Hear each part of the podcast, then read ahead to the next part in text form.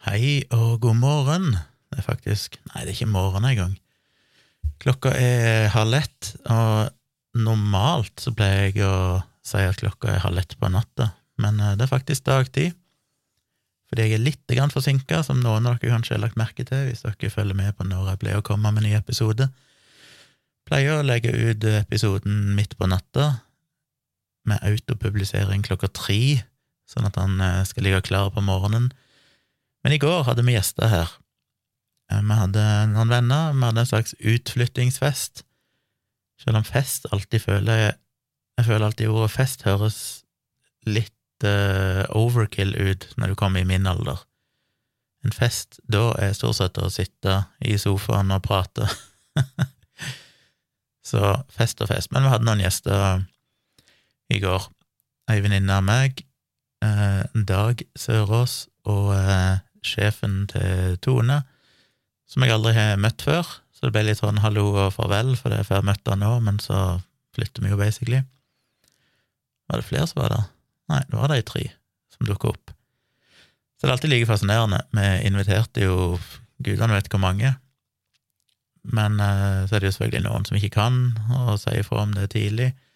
Men det er alltid sånn, hver eneste gang på selve dagen så kommer bare avbestillingene, holdt å si, avmeldingene på rekke og rad. Folk er blitt sjuke, eller ungene er sjuke, eller det er alltid et eller annet. Så vi er jo vant med det, at du må regne med sånn 75% frafall. Det er alltid litt kjipt, men det var noe trivelig. Og iallfall én av de som ble invitert, som ikke kunne i går, han skal komme i helga istedenfor og ta en, en kaffe, så det blir jo hyggelig. Men det var en trivelig kveld. Um, alltid gøy å se Dag, og vi hadde noen interessante prater, men det ble uh, noenlunde seint, så jeg var litt sånn, jeg orka ikke å var ikke helt innstilt på å spille inn en podkast etterpå. Så da ble det i dag istedenfor. Så jeg håper det funker. Dette er jo episode 230, tror jeg. Det begynner jo å Det er et slags rundtall, jeg vet ikke om det betyr noe, 230, men det er mange episoder. Jeg eh, må si først av alt at eh, jeg har fått med meg noen gjester i denne her såkalte VI-praten, som jeg tror kan bli litt gøy. Eh, det ligger ute inne på kritisketenkere.no, så jeg har lagt ut i ventene og en post om det, og delt litt andre plasser òg. Men onsdag 6. oktober så kommer Wasim Sahid og skal delta i praten og onsdag 20. oktober så kommer Ingeborg Senneset. Og for de som ikke har vært med på dette, så er jo altså VI-prat en sånn liten Zoom-konferanse. Jeg pleide å ha det stort sett hver onsdag. Det er mulig jeg reduserer det til annenhver uke nå, så de to jeg nettopp nevnte, onsdag 6. oktober og 20. oktober, det blir de to neste. Det blir altså ikke noe førstkommende onsdag, eller onsdag om eh, ja, to og en halv uke. Men det blir altså 6. og 20., og begge de gangene så er det gjester. Og så har jeg flytta det til klokka ti på kvelden, fordi eh, jeg pleide å ha det klokka åtte, men det var litt vanskelig å samle folk, og noen av de som kom inn, er sånn ja, jeg er her, men jeg er av kamera og sånn, for jeg driver og legger ungene. Så jeg tror klokka åtte er litt tidlig, det krasjer litt med legging av barn og folk som skal se nyhetene på TV, og gudene vet hva folk gjør. Så vi skyver det til klokka ti, så framover så blir det vel i utgangspunktet veieprat annenhver onsdag, tror jeg klokka ti på kvelden. Um, jeg har jo hatt de to siste veipratene åpne for alle, så det er bare å registrere seg som medlem på kritisketenkere.no, og så kan du være med. Jeg må jo si at det er helt uh, Kanskje rart ord å bruke, men nesten sjokkerende trivelig. Jeg er alltid litt sånn uh, litt sånn sliten på kvelden og tenker sånn åh, skal jeg virkelig ha en veiprat òg? Jeg har jo livestream og podkast hver eneste kveld. Men det er en ting som virkelig alltid er oppløftende, det er den veipraten. Og det var vel en elleve-tolv stykk med sist. Mange av de kom ganske seint, når vi starta, så var vi bare fire. Og satt vel første halvtimen omtrent, og var bare fire stykk, og tenkte ja ja, da får vi jo bare prate om, om ting. Men så plutselig så begynte det å komme folk. Og temaet var jo hvor er vi om fem, 20 og 50 år? Og det var en interessant diskusjon der vi diskuterte litt eh, med et bakteppe om vaksinemotstand og konspirasjonsteorier og vitenskapsfornektelse og sånn. Hvor kommer vi til å være om fem år, 20 år og 50 år, med tanke på er det ting som kommer til å endre måten samfunnet er på. Eh, hvilke effekter vil for eksempel klimaendringer ha? Hvorfor en effekt vil en eventuelt ny og enda mer alvorlig pandemi ha? Eh, ja, økonomi, politikk, eh, samfunnsdebatt, sosiale medier kommer til å ha noe Facebook om fem år, om 20 år. Og hvis ikke, hvor flytter folk hen? Blir det mer fragmentert i mange små nettsamfunn heller enn bare noen få store? Er det bra, er det dårlig? Og Det er veldig kult å ha de pratene. Da tar jeg én og én ordet og kommer med sine tanker om det, og så kan andre følge på. Veldig trivelig og veldig, veldig bra folk som er med. Uh, og så var det en fire-fem av de som var med, var egentlig bare passive tilhørere, og det er helt lov, som sagt. De hadde bare skrudd av webcam og skrudd av mikrofon, og deltok ikke, annet enn at noen av de deltok i chatten, for det er lov, du kan skrive innspill via chatten hvis du ikke har lyst til å snakke, men kanskje har noen tanker. Og noen gjorde ingenting. Så det er lov, det er lov å bare være passiv tilhører, tilskuer. Men for å sprite det litt opp, sprite det litt opp, så skal jeg altså ha med noen gjester. Så onsdag 6. så blir Wasim Sahid med, klokka ti på kvelden, altså. Men da må du være VIP-medlem eller medlem av den innerste sirkel, som er det øverste medlemsnivået, men det inkluderer VIP-medlem, eh, for å bli med. Og da skal vi snakke litt om eh, ja, egentlig om folkeopplysning i ulike kanaler, der Wasim skal dele litt av sine erfaringer og tanker rundt det han driver med på YouTube, hvordan han jobber med det, han ble jo opprinnelig kjent, holdt jeg på si, som Twitter-legen, sånn for ti år siden eller sånn, da han begynte å, med hashtaggen Twitter-legen og hadde sånne konkurranser på Twitter med å identifisere sykdommen ut ifra symptomer han ramsa opp og sånn, veldig kult. Og så har han jo utvida seg til å gi ut flere bøker, han er jo med på Hva feiler det deg? på TV, NRK, var med mange skrevet fast for aviser, og, og driver da med YouTube og får gjest i mange podkaster forskjellig, så han skal snakke litt om det. Hvordan, hvordan, Hva tenker han om å drive folkeopplysning? Hvordan jobber han med det? Hvordan, hvordan ønsker han å formulere seg og gå fram for å liksom nå ut til folk? Hvor mye arbeid er det? Tjener han noe penger på det? Så der kan du være med, og husk på, dette er ikke noe sånn intervju. Dette er sånn at alle er med. Det er jo det som er den store forskjellen på veieprat og en livestream eller podkast, det er jo det at du faktisk kan være med. Og live og stille spørsmål og komme med dine tanker og innspill. Alle er på en måte likestilte i det forumet. Så hvis du syns det høres interessant ut å ha en eh, prat, du får lov å prate med Wasim Sahid og møte han eh, virtuelt, holdt jeg på å si, så kan du altså bli med på Veiprat 6. oktober. Og da må du altså bare inn på kritisketenkere.no, registrere deg, og så en, finner du en post der som forklarer veien videre, men det er basically bare å klikke på Groups i venstre meny, altså klikke på VIP-medlem eller Den innerste sirkel, en av de to gruppene, alt etter hva for et medlemsnivå du vil være med på.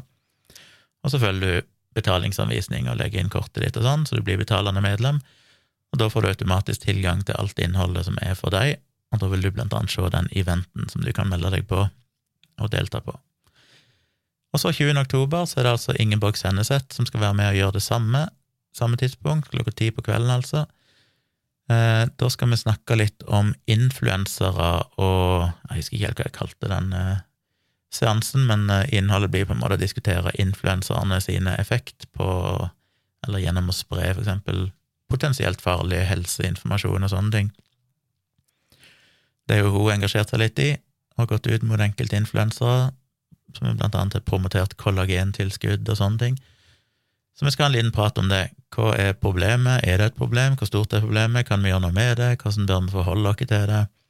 Hvorfor et ansvar er influensere? Eh, ja, hva burde vi ha forventa av dem? Burde det være en slags Vær varsom-plakat? Gudene vet. Mye å snakke om der, og Ingeborg eh, har jo en del tanker og erfaringer rundt det temaet. I dag drikker jeg kakao, siden det ikke er kveld ennå. Så det håper jeg dere blir med på. Det er veldig, veldig kult. Det blir enda kulere når vi har med Wasim og Ingeborg, og det blir enda kulere enn det igjen hvis det blir med litt flere folk. Så bli med på det. Og husk, det er ikke noe bindingstid inne på, på kritiske tenkere, så hvis du bare har lyst til å være med på det, så kan du teknisk sett melde deg opp og være med en måned, og så melde deg ut igjen. Da koster det noen tiere for å delta på dette her, så det er en billig inngangspenge for to to sånne ting med kjente folk. Eh, du kan òg betale for et helt år hvis du heller vil det, og da får du to måneder gratis. Så da er det en del billigere. Så det håper jeg eh, dere blir med på. Jeg skal mase litt om det i de neste episodene òg, for jeg vil så gjerne at dere blir med og får lov til å oppleve det å prate med to store mm, folkeopplysningshelter her i Norge. Um, I dag har jeg bestilt influensavaksine. Det anbefaler jeg jo egentlig alle å gjøre, hvis ikke du har en god grunn til å ikke gjøre det. Fordi influensa er jo òg en sykdom som kan være asymptomatisk, så du kan, hvis du er en av de som sier at ja, men jeg blir jo aldri syk influensa, så kan du fortsatt være smitta og spre viruset. Så det blir litt som med covid-19, og egentlig de fleste sykdommer, at du kan være en bærer uten at du vet det, og alle som vaksinerer seg, bidrar jo til å begrense spredningen, og det er jo spesielt viktig i år, for de sier vel det at de frykter at det kan bli en ekstra hard influensasesong, fordi folk har svekka immunitet mot influensa, fordi det var basically null influensa i fjor av sosial distansering og hygienetiltak og ansiktsmasker og alt dette her. Og da kan det være at årets variant slår ut hardere. Jeg har jo stussa litt på det sjøl, for jeg er litt sånn hm, I løpet av ett år er det virkelig så mye å si. Men, øh, men det er iallfall det helsemyndighetene sier. Så vi får øh, ja, holdt på å si stole på det. De har vel sine gode grunner til å mene det. Men uansett så har jeg hvert år anbefalt folk å vaksinere seg mot influensa. Jeg har jo sjøl gjort det i sikkert 15 år, eller noe sånt. Og det er jo helt eh, genialt for min del, for jeg hadde alltid influensa før og ble veldig, veldig sjuk. Nå har jeg ikke hatt influensa etter jeg begynte å vaksinere meg, bortsett fra muligens en gang for en to-tre år siden. Da fikk jeg noe som jeg tror kanskje kan ha vært influensa, men det var en veldig mild versjon fordi jeg var vaksinert. Så det varte liksom bare en dag eller to der jeg følte meg litt sånn litt sånn under the weather, som de kaller det. Og det kan selvfølgelig ha vært en forkjølelse òg, men jeg følte at symptomene var litt mer i retning av influensa. Så det funker jo som knall, selv om vaksinen teknisk sett ikke funker bedre enn i snitt sånn rundt 60 eh, Selv om det varierer mye fra år til år, så har det alltid funka for meg.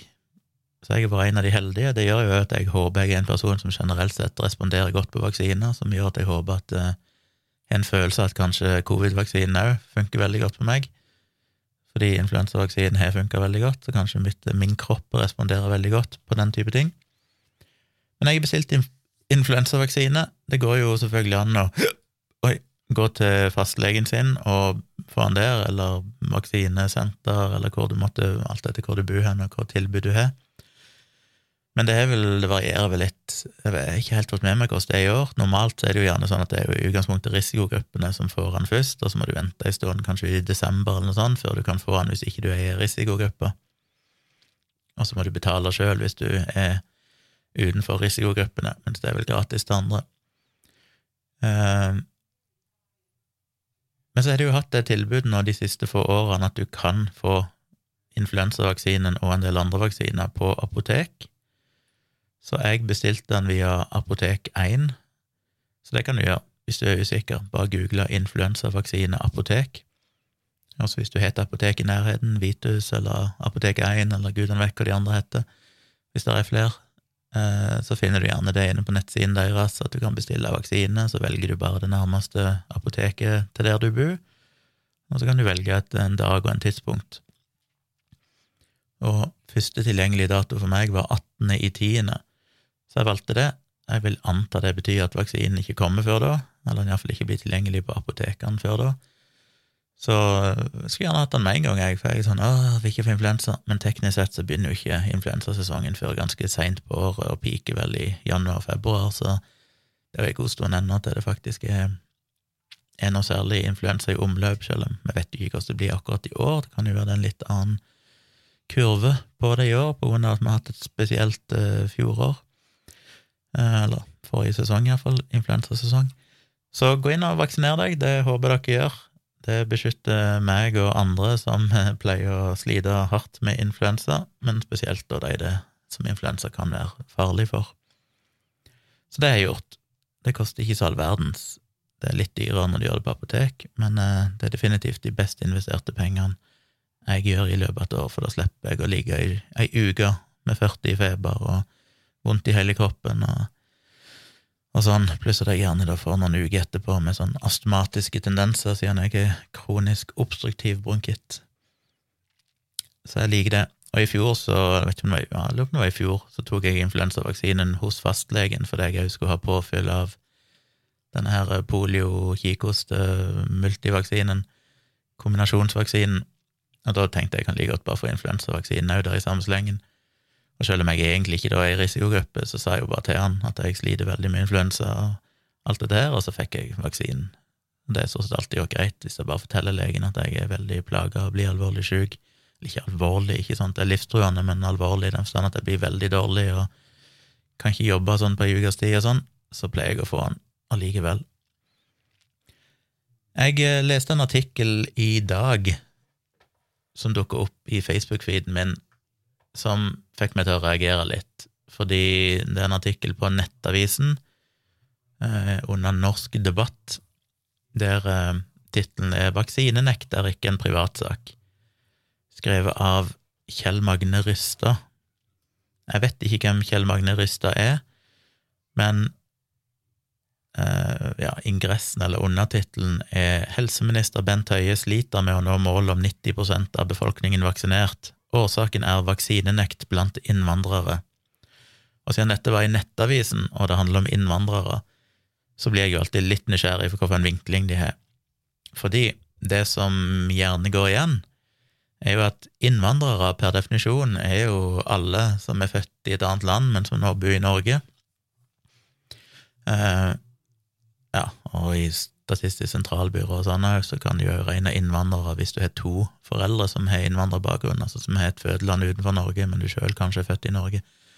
Så det kommer litt an på. Men teknisk sett er det jo gjerne da folk som sjøl er født utenfor landet og er kommet til Norge.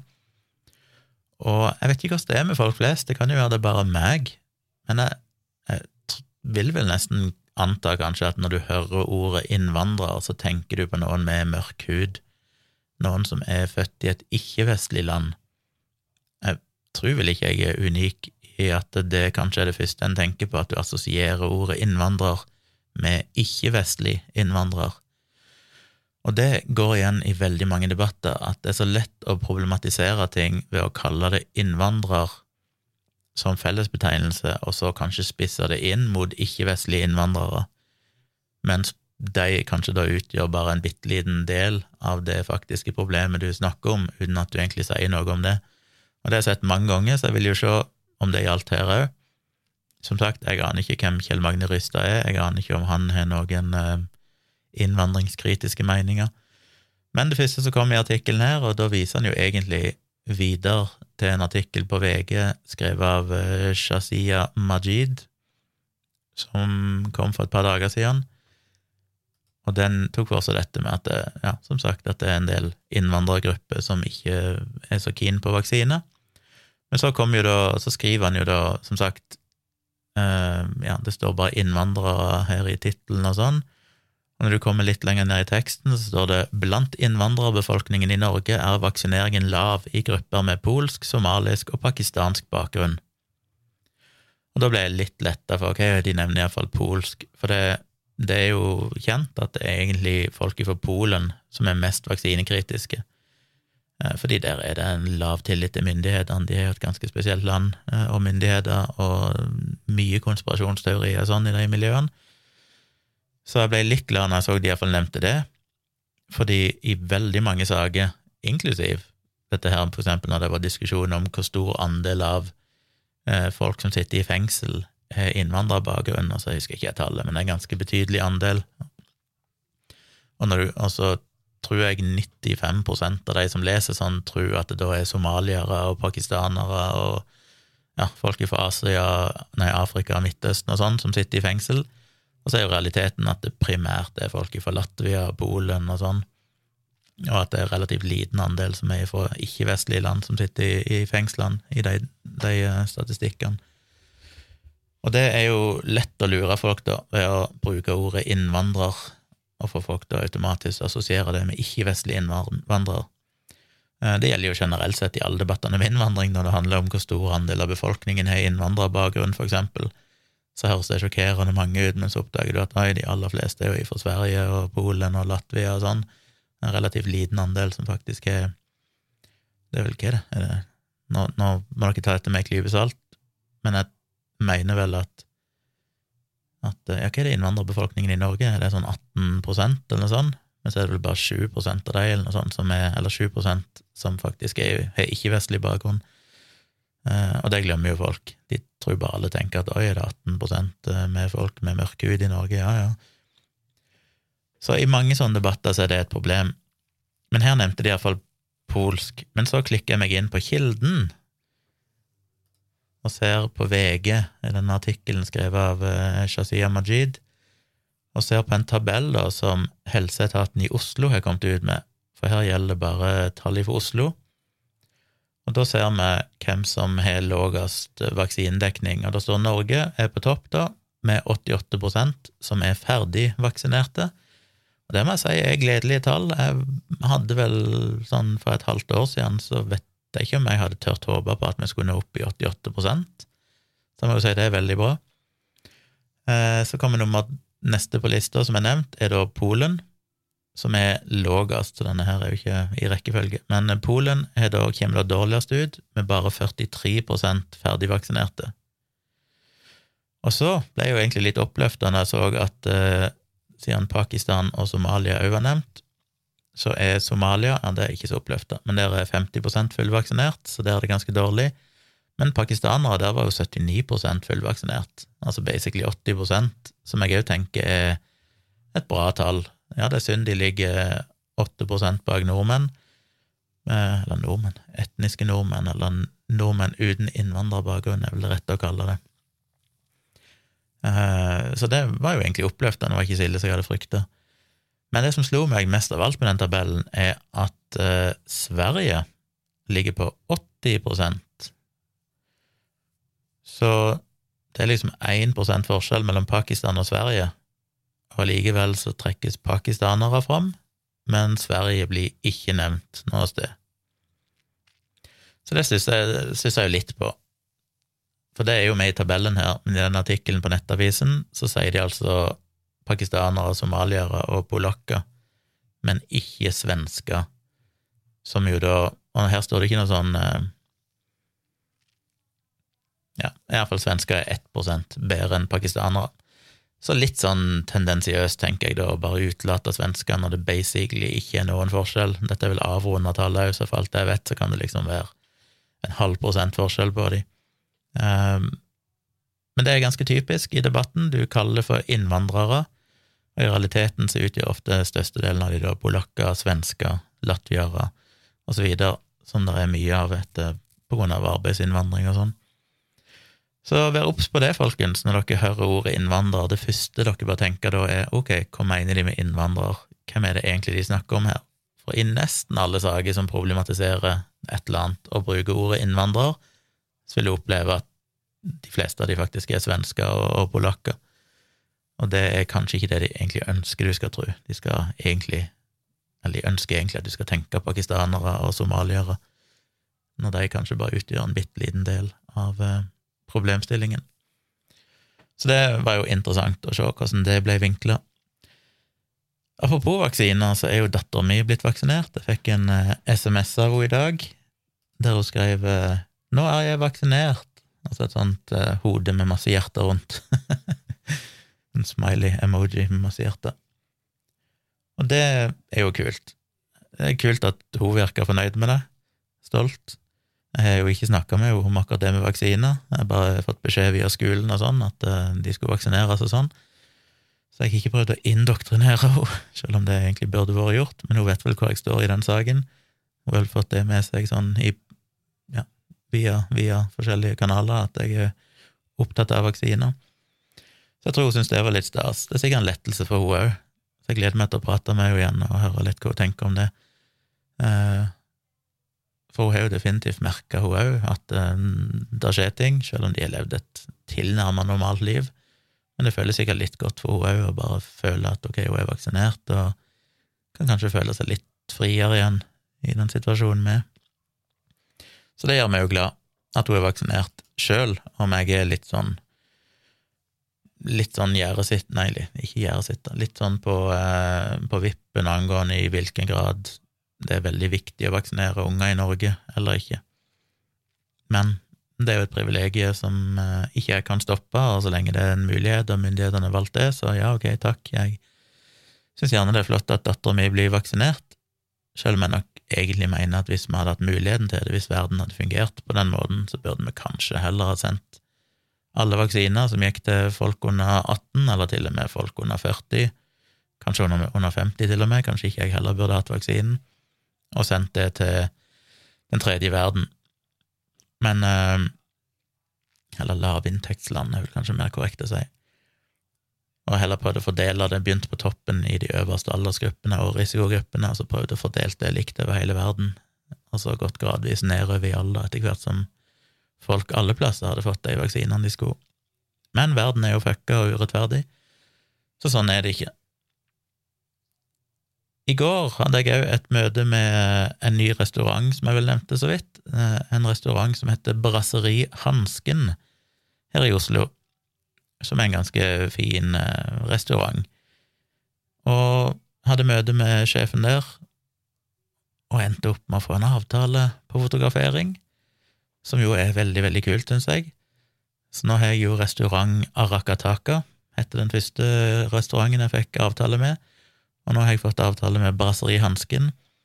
Og greia er jo da at jeg skal komme jevnlig, det er basically et sånn fotoabonnement der jeg kommer en gang i måneden og tar oppdaterte bilder av mat og ansatte og interiør og eksteriør og alt sånt, for det ting endrer seg jo med sesongene, både menyer og ansatte og innredning og sånn stemning. Og det syns jo han var en veldig kul idé, og det er jo den responsen jeg har fått i for mange. Jeg burde egentlig ikke snakke om det, for jeg føler jeg gir vekk en god, eh, en god business i det her. Så håper ikke noen andre kommer og, og stjeler ideen min og bare hopper inn i det markedet, men eh, men de så jo definitivt det behovet, fordi de hadde jo tidvis leid inn eh, fotograf og tok oppdaterte bilder, men så et halvt år seinere er jo de bildene veldig utdatert. Det er kanskje bilder av ansatte som ikke jobber der lenger, og sånn, og så blir det plutselig vanskelig å bruke bildene, for det blir feil når ikke den personen egentlig er ansatt der lenger, og sånn. Um, så det syns jo han var veldig kult, det var liksom akkurat det de trengte. Og det var jo håpet mitt, at det skulle være sånn her eh, til lands, at de så et eh, behov for det. Og det er kult å se at restaurant Arakataka har brukt mine bilder en del nå i sine både stillingsannonser og markedsføring i sosiale medier og sånn. Det er jo kult å se. Og han likte jo de bildene veldig godt, han fra Brasseri Hansken. Det var derfor han ville ha et møte med meg, og nå vil inngå en avtale med meg, så det, jeg syns det er veldig, veldig kult. Så jeg håper jo å få noen flere, så hvis du kjenner noen som driver en restaurant, eller du driver en restaurant sjøl, så ta gjerne kontakt. Jeg er jo egentlig tilgjengelig nå som jeg flytter til Kristiansand, så er jo egentlig alt på Sørlandet. I teorien alltid fra Stavanger til Oslo er jo potensielt sett eh, aktuelle kunder, men i første omgang mellom Kristiansand og Oslo, så jeg uansett må pendle den veien, så eh, er det mest aktuelt. Så hvis du kjenner noen som driver restaurant eller en kafé eller et spisested eller egentlig hva som helst i den retningen i Kristiansandsområdet eller Oslo-området eller et sted imellom der, så er det bare å be de ta kontakt, be de ta en kikk på foto.tjomli.com. Der er det ei egen side med mat- og restaurantfotografering, der de kan se litt referansebilder og lese litt mer om hva jeg tilbyr, og ta kontakt. Så er jeg veldig keen på å få flere sånne kunder. Det er veldig, veldig kult, syns jeg. Så gratulerer til meg. Det er, liksom det er kult, for jeg, når jeg begynte med dette, så ante jeg jo ikke om det var mulighet. Jeg visste ikke hva jeg gjorde. Jeg sendte jo bare ut mail til noen restauranter og tenkte sånn ja, ja, jeg får bare begynne et sted og bare se om det er noen interesse. Og, så, og nå i løpet av en måned, så har jeg faktisk fått, eller halvannen måned, så har jeg faktisk fått to kunder. Og det hjelper jo veldig, for da begynner jeg å få litt mer referansebilder, og kan da begynne å, å markedsføre litt mer, for jeg har ikke markedsført noe i det hele tatt, bortsett fra at jeg har den nettsida. Uh, og så har jeg, uh, som ingen vet om, basically, annet når jeg nevner det, og så har jeg jo sendt ut noen mailer, men jeg var litt sånn på gjerdet med å sende ut for mye mailer når jeg ikke egentlig har hatt så mye referanser og sånn. Jeg tenkte jeg må liksom bare ta det litt forsiktig, så jeg får noen referanser først, og så, så kan jeg pushe litt mer. Så om et par uker, tre uker, så skal jeg ta bilder hos deg første gang. Og når jeg har redigert de òg, så har jeg to sett med restaurantbilder. Ja, da skal jeg vel òg dagen før ta nye bilder hos Arakataka, så da får jeg jo egentlig tre sett med bilder. Og da tenkte jeg jeg skulle lage en litt mer proff ny eh, infomail med noen, sånn, noen få bilder, og lage litt mer sånn fancy presentasjon som jeg skal sende ut til alt det som kan krype av gårde, restauranter og, og sånn. Det er jo en liten drøm. Altså, det er jo veldig kult å ta bilde av litt sånn fine spisesteder. Nå har ikke jeg sett maten ennå på Brasseri Hansken, for jeg har ikke spist der, men jeg får jo inntrykk av at det er en ganske sånn fin plass. Eh, hvis dere har sett bildene jeg tok fra Rakataka, så ser dere jo at det er jo helt Det er jo kunstverk. Altså, maten er jo kunstverk. Og det er jo noe eget med å ta bilder av mat som er så fin i utgangspunktet. Men samtidig så jeg, tenker jeg jo at det var jæklig kult å ta bilde av av eh, ja, For å ta noen random eksempler, men sånn type sånn kaffebrenneriet, Egon, altså et eller annet sånn i kjeder, og fått en fast avtale med noen sånn, der du kunne gå rundt og bare ta bilder som de kan bruke til nettside og sånn. Det blir jo litt annen type bilder, for det er liksom ikke sånn fine dining-opplegg. Eh, men, men en kan ta bilder jevnlig og, og, gi de bilder til sosiale medier. Sånne store konsern har sikkert sine egne fotografer og alt mulig sånn, men, eh, men, det er jo noe som hadde vært litt kult, for da kan du fort få litt flere kunder i én jafs. Hvis du får en kjede, så kan du plutselig få en litt større avtale, kanskje. Så jeg kommer nok til å prøve å sende noe til deg òg etter hvert, og bare se. Det skader liksom ikke, det er liksom mitt motto. Føler meg litt dum når jeg sender ut sånne mailer. Men det er sånn, hvis jeg ikke tar kontakt, så skjer det ingenting. Tar jeg kontakt, worst case, så bare sletter de mailen og sender den i spamboksen eller noe sånt. Men eh, så kan du være heldig, da, og så er det plutselig en som tenker at hm, ja, det er akkurat det vi trenger akkurat nå. Så tar de kontakt, og så blir det et eller annet. Så vi får se hvordan det går. Dette blir ikke verdens lengste episode, Eh, men jeg tenkte jeg, eh, har jo fått en ny uh, Gunnars godtepose, så der nå gikk jo musa mi tom for strøm mens jeg sitter her. Og det er jo ikke helt gunstig når jeg skal prøve å hente fram ei nettside som jeg kan bruke til å lese ifra. Så nå må jeg snakke i to minutter her mens batteriet lader på musa mi, sånn at man får noen timer med juice innabords. Så hva kan jeg snakke om da? Tomprate. Det er jo det podkasten heter, Tomprate. Burde kanskje gjøre det. Jeg så ei som tagga meg på Facebook i dag. En Facebook-venn. Det føles jo alltid litt rart å kalle det venn for den personen jeg ikke kjenner. Men med min uh, forrige kjæreste, mm, da jeg mm, ja, Jo, vi hadde vel kanskje blitt sammen, jeg husker ikke helt, det var veldig tidlig, så hadde hun lyst til å prøve yoga. Og hun klarte faktisk å dra meg med på yoga ute på Nesodden, utendørs-yoga. Ja, nå ler dere nok godt. Men jeg var betatt av henne, og hvis hun foreslo det, så var jeg sånn ja, ja, jeg er med, jeg. og så, eh, så reiste vi ut til Nesodden og endte opp på utendørs-yoga der, der vi satt ute på en odde i plenen på gresset og gjorde noen yogaøvelser. Jeg følte meg veldig dum, eller vi starta vel innendørs, og så gikk vi ut etterpå. Det var vel kanskje, jeg husker ikke helt, ti personer eller noe sånt totalt som var der. Um, jeg gjorde det ikke så verst. Jeg tror hun var ganske imponert over hvor bøyelig jeg var. For jeg er jo sånn person som alltid har vært veldig mjuk, sitter med beina i kors, kan brette de rundt overalt. Så hun fikk jo helt sjokk, når hun så at jeg bare satt der. Det var en del andre på min alder, de klarte jo ikke å legge beina i kors, de var jo stive som noen stokker. Og jeg bare kjørte beina og bretta de sammen. Så kanskje jeg er skapt for yoga. Og det var en helt uh, grei opplevelse. Det var en interessant å oppleve det òg. Men jeg følte vel ikke jeg fikk så mye ut av det. Og så fant jeg vel ut etter hvert at hun der som leder det visste hvem jeg var, og ikke nødvendigvis kanskje var så stor fan, for å si det mildt. Uh, men da er det jo ekstra gøy å treffe dem og, liksom ha en hyggelig prat, så de ser at jeg ikke er den der uh, grusomme personen som de kanskje har fått det fremstilt som gjennom alternative kanaler. Så vi ble Facebook-venner, jeg husker ikke helt hvorfor, om hun la meg til som venn etterpå, eller et eller annet men vi ble iallfall det. Hun la ut noen Det var noen som delte en post, jeg vet ikke helt om hun hadde gjort det, fra den der grusomme nettsida som heter hemali.no, som jo bare poster de mest hårreisende, idiotiske antivaksinegreiene og sånn. Men de hadde lagt ut en artikkel i dag som handla om Jeg leste ikke artikkelen, jeg så bare tittelen var et eller annet om at eh, sjokolade og godteri skulle bli billigere, mens eh, massasje ble dyrere, eller alternativ behandling får jo moms. Og de mente det var helt, uh, helt feil med tanke på folkehelse og sånn. Og det er jo så vidt et legitimt poeng, for all del. Um, jeg er jo ikke, Nå vet jeg hva de sikter til angående godteri, det er vel noe med sukkeravgift og sånn, jeg har ikke satt meg helt inn i det. Men sånn generelt sett så er ikke jeg heller, syns, syns jeg ikke heller at det er bra at usunn mat skal bli billigere, tvert imot, det burde bare bli dyrere. Mer avgifter. Og, men jeg syns selvfølgelig at alternativ behandling skal være momsbelagt, for det er jo ikke det er jo ikke helsetjenester, det er jo basically bare kommersiell industri eh, for å tjene penger på noe som ikke er evidensbasert, og det, vi kan ikke tillate at det blir regna på lik linje med andre helsetjenester. Men det var vel massasje etter det, en av de tingene de trakk fram, og så skrev hun noen lange poster der hun tagga meg om hvordan jeg var eh, ikke ja, nekta å anerkjenne at det liksom var en sammenheng mellom hode og kropp, og så lenge det ikke var evidens for ting, så nekta jeg for at det kunne virke, og derfor så var jeg motstander av alt og alternativt, og bla, bla, bla. Og så ble jeg jo litt irritert, så jeg skrev et svar først. Jeg skrev tre-fire kommentarer til henne. Den første var at uh, hun hadde kanskje ikke lest placebo-defekten, men jeg har jo basically skrevet ei hel bok som handler nettopp om hvordan hodet påvirker kroppen.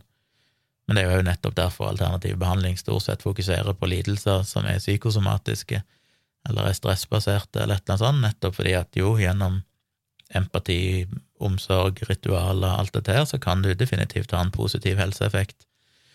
Og det skriver jeg jo veldig mye om i placebo-defekten, ehm, både hvilke negative symptomer du kan få ved å, å, oppleve angst og stress og sånne ting, men òg at du nettopp da òg kan i gåsehud helbrede det gjennom å, å bruke metoder som kan lindre den type tanker. Så jeg anerkjenner jo definitivt det. Òg i debatten om ME og lightning process og sånn, så anerkjenner jeg jo i aller høyeste grad at for noen så kan det definitivt ha en effekt, hvis det er der problemet kommer ifra, hvis det er psykosomatisk. Det snakket jeg jo om i den diskusjonen med Henrik Vogt. Så det er jo aldri benekta, og da blir det litt sånn absurd at det liksom får en lang post om at jeg benekter at det er noen ting, at hode og kropp henger sammen, når jeg har skrevet ei fuckings bok på 430 sider eller noe sånt som stort sett bare handler om akkurat det men at det er jo nett, hele poenget nettopp er det å vise at nettopp derfor så virker jo ikke alternativ behandling av de årsakene som de sjøl hevder at de virker. De manipulerer ikke noen energier. Det er ikke det å stikke nåle i folk eller gi de homopatiske remedier som faktisk er en effekt, men det er alt det som er rundt det. Tid og omsorg og berøring og ritualer, det er alt det som virker, og det vet vi, og det anerkjenner vi. Men det er jo nettopp derfor du må være ærlig og da posta jeg òg to bloggposter som jeg skrev tilbake i 2013, omtrent når boken min kom. Den ene heter jo En skeptikers forsvar for alternativ behandling. Det er jo basically akkurat skrive det som hun kritiserer meg for, at eh, jeg i aller høyeste grad anerkjenner at folk har nytte av alternativ behandling, og det er det ingen som kan ta fra dem. Det er ingen som sier at alternativ behandling ikke virker, i den forstand at det kan ha positive helseeffekter. Diskusjonen handler om hvorfor virker det, og det, handler, det, virker ikke fordi de har de spesifikke behandlingseffektene som de påstår, men fordi det har uspesifikke behandlingseffekter, altså det er alt det som skjer rundt selve behandlingen, som faktisk virker. Og I den anledning så skrev jeg jo en annen bloggpost som heter Rasjonell healing til folket, eller Rasjonell massasje til folket, eller noe sånt, eh, som jeg jo har snakket om mange ganger, dette med at jeg, jeg tror definitivt at for eksempel hvis staten hadde finansiert at alle offentlig ansatte, og aller helst alle i private bedrifter òg, fikk en uh, halvtime eller en time i uka der de kunne gå til en rasjonell healer, som basically da lar deg komme inn, sitte og spørre deg hvordan det går, prate litt, legge deg ned, få litt massasje, så tror jeg definitivt at det ville ha redusert sykefravær i dette landet. Jeg tror definitivt det ville ha en veldig positiv effekt på folkehelsa.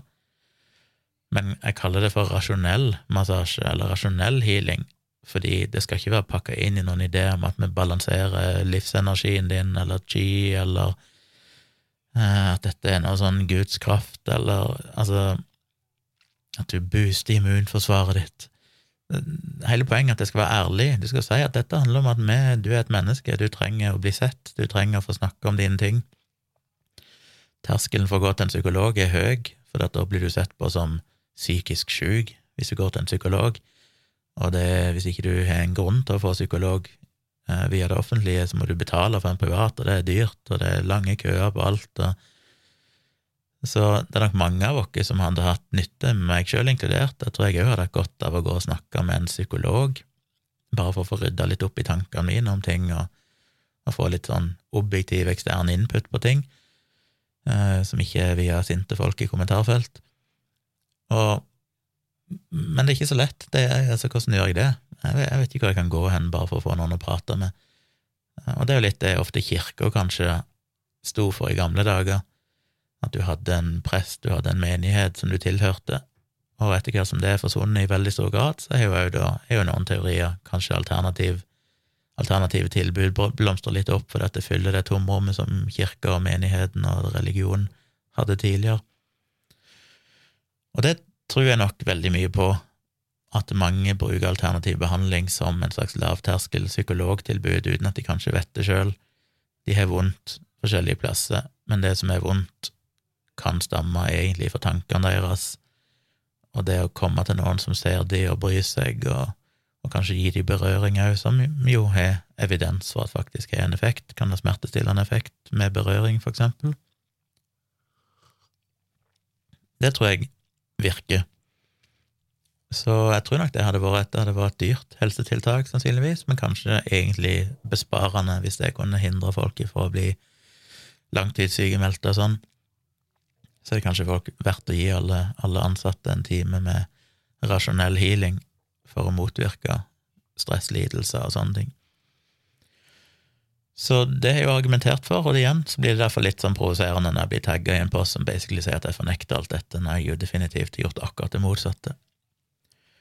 Så, um, så kan da lenke til de bloggpostene i denne podkasten hvis dere vil lese de. De er ikke så lange, men det er litt mer sånn filosofiske bloggposter der jeg tenker litt høyt om disse tingene som jeg syns er verdifulle. Da er musa mi tilbake, og jeg tenkte jeg skulle eh, avslutte med en artikkel som jeg har fått via Gunnar Skottepose fra en av mine lyttere, som er så hyggelig at han sender meg noen mailer i ny og ne med linker og ting han jeg kanskje kan snakke om. Og jeg leser mye av det, ikke alltid sånn siden siste her nå, så jeg gjennom det, leste, så jeg, jeg, vet ikke helt hva jeg skal si om de forskjellige tingene. Så det, det er litt vanskelig av og til å, å finne noe som, som resonnerer med meg, så jeg tenker sånn å ja, her er noe, dette er interessant å snakke om. Men eh, den ene artikkelen var den minst viktige av de, var en artikkel han sendte meg apropos det at jeg hadde kjøpt Tesla, og den heter Ten Biggest Problems with Owning a Tesla.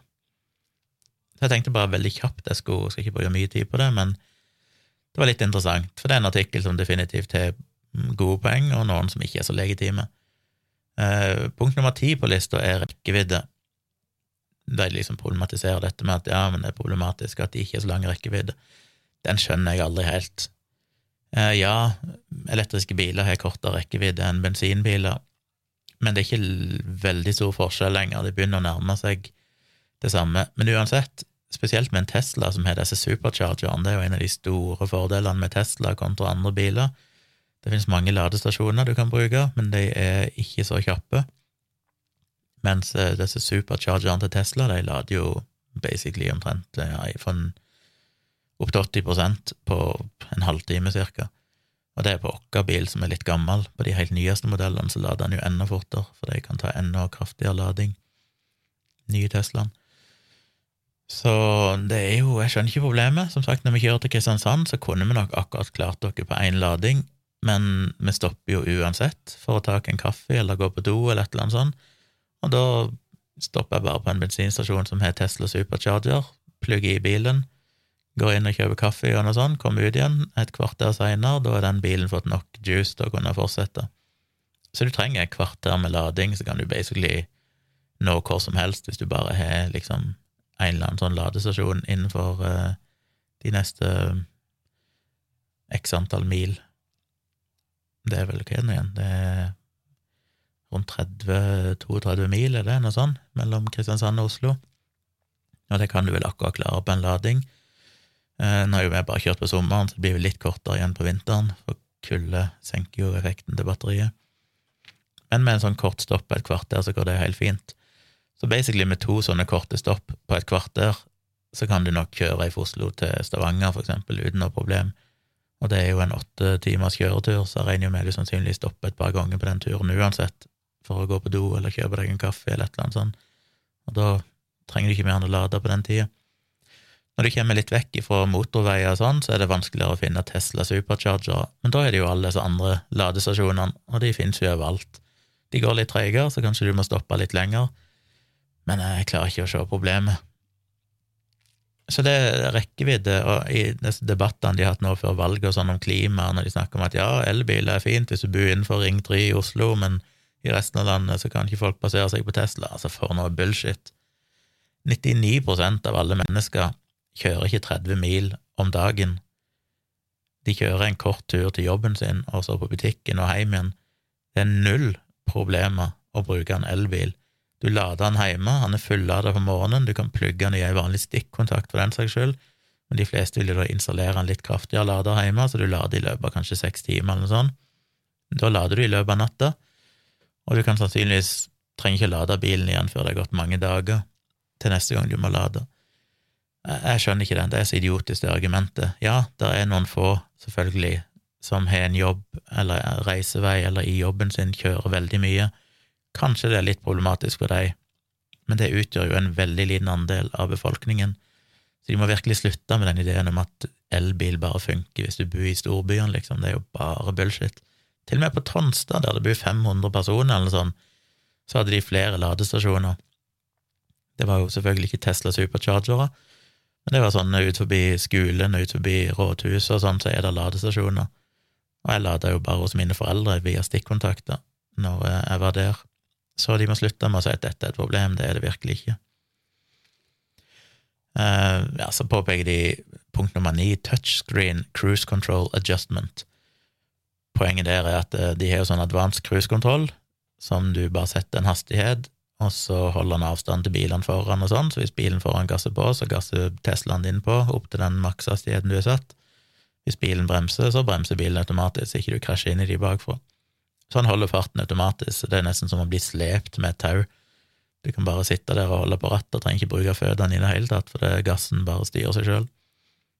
Og her mener de at det er problematisk, fordi at normalt på biler med cruise control så har du en eller annen hendel eller et eller annet fysisk du kan justere på rattet, mens på disse nye Teslaene så er det jo bare en skjerm, så du må gjøre det rett på skjermen. Og det er, mener de kan være problematisk, for du må ta øynene vekk fra veien et øyeblikk og sånn. Og da er det sånn ja og nei. Jeg har jo en litt eldre modell av Tesla. Der er det ikke sånn. Der har jeg en egen hendel til auto, eh, til cruisekontrollen. Det er kun på de nyeste bilene at du, de er stort sett fjerna, disse fysiske bryterne. Og Det var en av grunnene til at jeg ville ha en Model S, og jeg ville ha en litt eldre versjon, fordi jeg er nok litt mer komfortabel med å ha disse fysiske bryterne. På de helt nyeste Model S, jeg vet ikke om de er i salg i Norge engang, de har jo dette her rare rattet, bare sånn halvt ratt, sånn eh, racerbilratt. Men det er jo til og med blinklyset er jo bare sånne touchfølsomme knapper på rattet, det er ikke noen sånn vanlig blinklyshendel. Og det må jeg si, jeg hadde nok ikke likt. Du blir nok vant med det for all del, men det er et eller annet med å ha den fysiske staken du kan uh, vippe opp og ned, som jeg syns er praktisk. Så ja, jeg ser eh, at det kan være uheldig. Vil ha mye å si for trafikksikkerhet? Usikker, fordi Teslaen holder deg jo på veien òg. Hvis, hvis, du ser vekk fra veien et øyeblikk og nærmer deg ei kantlinje, så vil jo den automatisk vippe deg inn igjen og ta over rattet. Så de glemmer jo kanskje å ta hensyn til at ja, selvfølgelig så tar du kanskje øynene litt mer vekk fra veien, selv om det er jo begrensa hvor ofte du tar øynene vekk fra veien for å justere cruisekontrollen, pluss at jeg òg tror at du knapt trenger å ta øynene vekk fra veien for å gjøre det, for den er jo plassert sånn, den skjermen, at du basically kan se på veien, og bare omtrent i sidesynet ditt kan justere. Men igjen, om du så kikker vekk et øyeblikk, så er ikke det noe særlig annerledes enn det folk uansett gjør når de justerer et eller annet på radioen, skifter radiokanal, skifter spor på en CD i det biler der de faktisk hadde CD-spiller og sånne ting. Pluss at du har den store fordelen med at du basically ikke kan kjøre ut med Teslaen fordi han holder deg på, på veien. Så er det punkt nummer åtte at det er noen som plutselig mister strømmen, bilen bare stopper opp. Kanskje, det er sikkert et problem, det er jo unntaksvis, og det er ikke noe jeg har opplevd, så det er jo selvfølgelig alvorlig. Men feil kan skje på alle biler. Sju er autopilot-issues, der de mener at uh, autopilotene ikke nødvendigvis er så pålitelige, og det har vært ulykker med autopiloten, og det er jo definitivt viktig. Det er jo ikke som Tesla sier, de kaller det full self-driving hvis du kjøper den største pakken, og det er jo veldig misvisende. Det er imponerende hva autopiloten kan gjøre. I den nye versjonen som kommer nå veldig snart, i løpet av høsten, så kommer de igjen med en oppdatering som inkluderer at du basically kan kjøre i byer, og den stopper ved røde lys og kjører når det er grønt lys, og håndterer rundkjøringer og veikryss og alt automatisk. Eh, til og med hvis du er i et veikryss med litt dårlig oversikt, så oppfører han seg omtrent som et menneske med at han begynner å krype sakte fram, sånn at kameraet klarer å se om det kommer biler, og så når han ser det er klart, så kjører han. Og Det ligger mange YouTube-videoer ute med folk som tester beta-versjoner. Det er jo noen få som har fått tilgang på beta-versjoner, og de tester ut dette og filmer skjermen sin og viser hvordan ting skjer, og det er jo For hver nye oppdatering de kommer med, med noen dagers mellomrom, så blir det stadig forbedra. Fordi Tesla samler jo inn data for alle sånne her betatesterne og, og justerer på algoritmene og sånn, sånn at de håndterer alle disse spesielle situasjonene som de opplever på veien. Men du skal jo følge med på veien. Du får jo ikke lov å ta hendene av rattet på en Tesla hvis du gjør det i for lang tid, så får du en advarsel, og hvis du gjør det for mange ganger, så kutter han bare ut hele autopiloten, da får du ikke lov å bruke den lenger. Så du må holde hendene på rattet, du skal være oppmerksom, og det er de veldig tydelige på. Så inntil videre, så, så ja, selvfølgelig er ikke autopiloten perfekt, den er langt ifra noen selvkjørende bil ennå, sånn som vi ser for oss det, liksom i fremtidsbiler, men definitivt et nyttig verktøy som gjør veldig mye. Som sagt, jeg kjørte jo fra Oslo til Kristiansand, og store deler av veien så kjørte han på autopilot. Styrte sjøl, bremsa, gassa sjøl, gjorde alt. Så ja, det er litt sånn rart å kritisere det, fordi det er ingen som har påstått at dette er liksom fullstendig selvkjørende, selv om selvfølgelig Tesla kanskje er litt eh, drøye på å overselge hva bilen faktisk kan gjøre. Punkt nummer seks er at det er dyrt å reparere. Det er godt mulig, det har jeg heldigvis ingen erfaring med ennå. Uh, og det vil jeg jo tro er en ting som normaliserer seg etter hvert. Det er jo såpass mye Tesla i omløp i Norge og sånn at jeg er usikker på hvordan det slår ut i det norske markedet, men, men, ja, det er klart, du kan ikke gå inn på en hvilken som helst uh, verksted med en Tesla, for det er ikke alle som har kompetanse på, på det og har muligheten for å skaffe reservedeler og sånne ting. Så det blir litt mer spesialisert, og det vil jo gjøre det dyrere.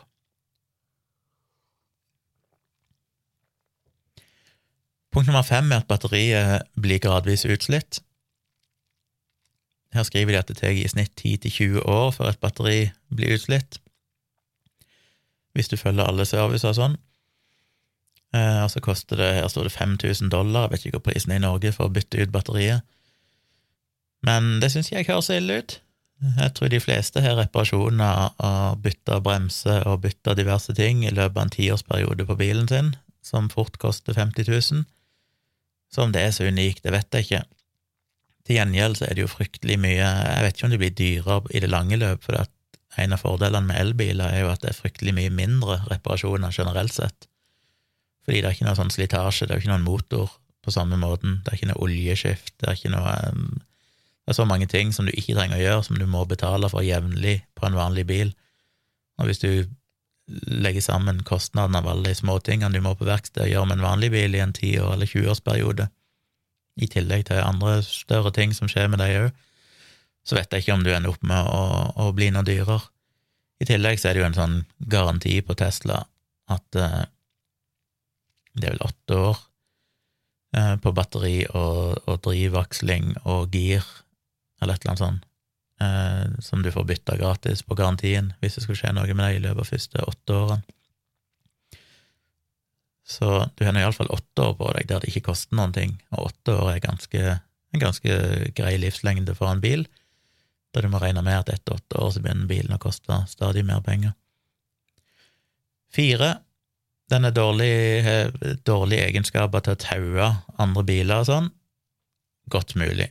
Ikke relevant for min del, jeg kommer aldri til å kjøre med en stor tilhenger eller noe sånt. Jeg tror ikke det er noe jeg bekymrer meg veldig over. Punkt nummer tre er at det er buggy updates. Kanskje jeg har ennå ikke fått noen oppdateringer til Teslaen min, jeg har hatt den for kort tid.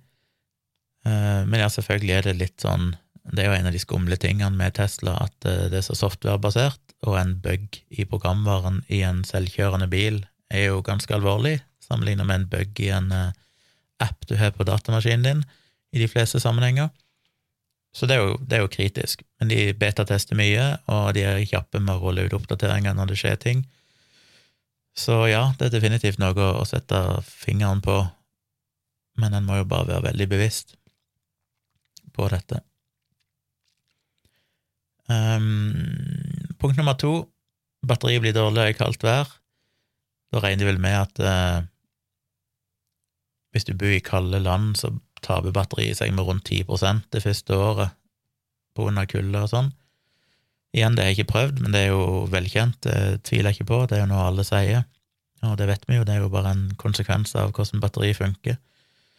Så det trekker jo ned litt i rekkevidden, selvfølgelig, men det er jo neppe unikt med Tesla, det gjelder vel alle elbiler. Og punkt nummer én på lista er dårlig byggekvalitet, poor built quality. Og det har jeg jo jeg hørt mye om. Det har vært mye småfeil med Tesla, alt ifra kosmetiske ting, eh, rammer som ikke liner opp, sånn at du får sånn høydeforskjeller i, mellom dør og kanten av døra, og vinduer som ikke lukker seg skikkelig, og du hører luften som kommer inn, eller lekker kald luft inn, og det er mye sånne småting. Nå er jo det primært ting som Tesla fikser på garantien, så det skal jo ikke koste deg noe ekstra men det er jo en ting folk er stussa på. Men tross alt, Tesla er en relativt ung bilprodusent, og spesielt med Model 3, som var liksom den der litt billigere konsumentversjonen som eh, de har solgt mest av. Eh, den ble det vel produsert veldig mye av på kort tid, og da vil det gjerne være feil. Og det er synd, men en får jo bare satse på at Tesla gradvis blir bedre og bedre, og det virker det vel som at de har blitt. Det er jo noe som kommer med tida. Så eh, ja, Elon Musk jo til og med innrømt det. Jeg er jo en fyr, en sånn YouTuber jeg følger på på Twitter, og han har jo nettopp lagt ut en sånn tweet. Han har kjøpt seg en Model 3, tror jeg, nylig, og har lista opp alt som var feil med den bilen, og det var ikke så rent lite. Det er stort sett kosmetiske ting, da. Men han hadde liksom ei lang liste med sånne små ting som bare var litt sånn dårlig laga i bilen, så det er nok fortsatt et problem. Vi kjøpte jo en bruktbil og det kan jo kanskje være en fordel, for det er jo kanskje de tingene han allerede fiksa. Og vi har jo fortsatt nybilgaranti på den bilen, pluss reklamasjonsrett der vi kjøpte den ifra og sånn, så skulle jeg oppdage noe sånn Jeg tviler vel på at jeg gjør det, for jeg vil tro det meste er fiksa. Og den der autopilotfeilen som jeg snakka om tidligere, som jeg allerede booka service for å få sett på, den er jo plutselig bare forsvunnet. Så jeg er litt spent på om det er noe som dukker opp når jeg kjører på motorveien igjen mot eh, Kristiansand, som vi skal nå om ei ukes tid, i høstferien. Eh, men jeg har kjørt eh, Vi kjørte jo noen turer her i Oslo, da har jeg kjørt på E6 og kjørt over 80 km i timen, og den feilen dukka ikke opp da, så det er mulig at det bare var en sånn at kameraene av og til må rekalibrere seg så de var midlertidig utilgjengelige. Jeg er litt usikker, så nå har jeg jo bestilt service, men jeg er litt usikker på om feilen er der fortsatt. Men jeg tør ikke kansellere den servicen i tilfelle feilen dukker opp på nytt. Og jeg tenker det er best å få det sjekka ut, bare sånn for sikkerhets skyld. Men det forsvant nå iallfall av seg sjøl, så det var kanskje ikke noe feil i det hele tatt. Kanskje det bare var en sånn midlertidig greie. Så til du som sendte inn mailen med dette tipset. Eh, nå har jeg gjennomgått det. Kanskje det var nyttig for andre som har vurdert å kjøpe seg en Tesla. Jeg vil definitivt anbefale det. Eh, de sier vel at noen av de beste kjøpene du kan gjøre, er jo en brukt Model S, der du får veldig mye for pengene, og det ligger veldig mange ute, og prisen er relativt låg. Du får den ifra 380 000 eller sånt, opp til litt over 400 000, og du får den kanskje billigere enn det òg hvis du går enda noen år tilbake i modell. Men de er jo basically like, det er ikke store forskjeller på dem, så det å kjøpe en litt eldre Tesla eh, kan være en veldig god deal å gjøre. Og jeg er jo veldig fornøyd med bilen så langt, så, så jeg har ikke noen store problemer med det foreløpig. Så det var en episode i dag òg, litt forsinka. I kveld så blir det jo eh, Ærlig talt med meg og Tone klokka elleve, eh, der vi livestreamer på min YouTube-kanal Tvilsomt med Tjomli, og på Tone sin YouTube-kanal Tone Sabro, og jeg er inne på Facebooken min, Så hvis dere er venn med meg på Facebook, eller følger Saksynt på Facebook, så dukker streamen opp der òg. Veldig kult om dere har lyst til å komme innom og kikke, og gjerne delta i livechatten, stille spørsmål, være med i samtalen, eller bare se på, ha det på i bakgrunnen. Det er alltid veldig kult. Så bli med på det i kveld, altså hver fredag kveld, så gjør vi det. Eh, veldig kult er jo å se at lyttertallene på Virkelig grusomt, som er den podkasten meg og Tone har sammen, går veldig oppover nå. De stiger jo kraftig fra uke til uke. Liksom litt usikker på hva som har skjedd. Har vi blitt anbefalt noen plass, eller er det bare det at du når en kritisk masse der du får nok lyttere til at det plutselig word of mouth begynner å spre seg? Men det var en veldig oppgang, og det stiger fra uke til uke, så jeg er spent på hva det kan ende opp hen. Og vi har begynt å få noen annonsører og sånn, og det er veldig kult. Så sjekk ut Virkelig grusomt òg, kommer hver mandag i din podkast-app. Det var vel eh, dagens episode, og jeg takker igjen for at du hører på. Takk til alle som støtter meg via kritisketenkere.no eller Patron. Hvis du er på Patron, så håper jeg du flytter over på kritisketenkere.no, for det ønsker jeg jo. Jeg skal jo egentlig fase ut patronen min på sikt. Så dette er din eh, påminnelse om det. Dere har sendt ut melding til alle. Har du ikke fått den, send meg en melding, så får du en invitasjonslink til kritiske tenkere som gir deg eh, en gratis periode der, så ikke du får noen eh, betalingsoverlapp med Patron. Eh, men tusen takk til alle som støtter meg, det setter jeg ekstremt pris på. Og selv om du ikke støtter meg, eh, du kan støtte meg inne på kritisketenker.no som støttemedlem, som koster deg ca. 25 kroner i måneden eller noe sånt. Det er veldig kult. Men uansett, om du ikke gjør det, ikke kan det, så er jeg veldig glad for at du hører på, og gjerne tips andre om podkasten min og bloggen min og alt andre jeg driver på med. Så takk for det og vi høres igjen i en ny episode på tirsdag.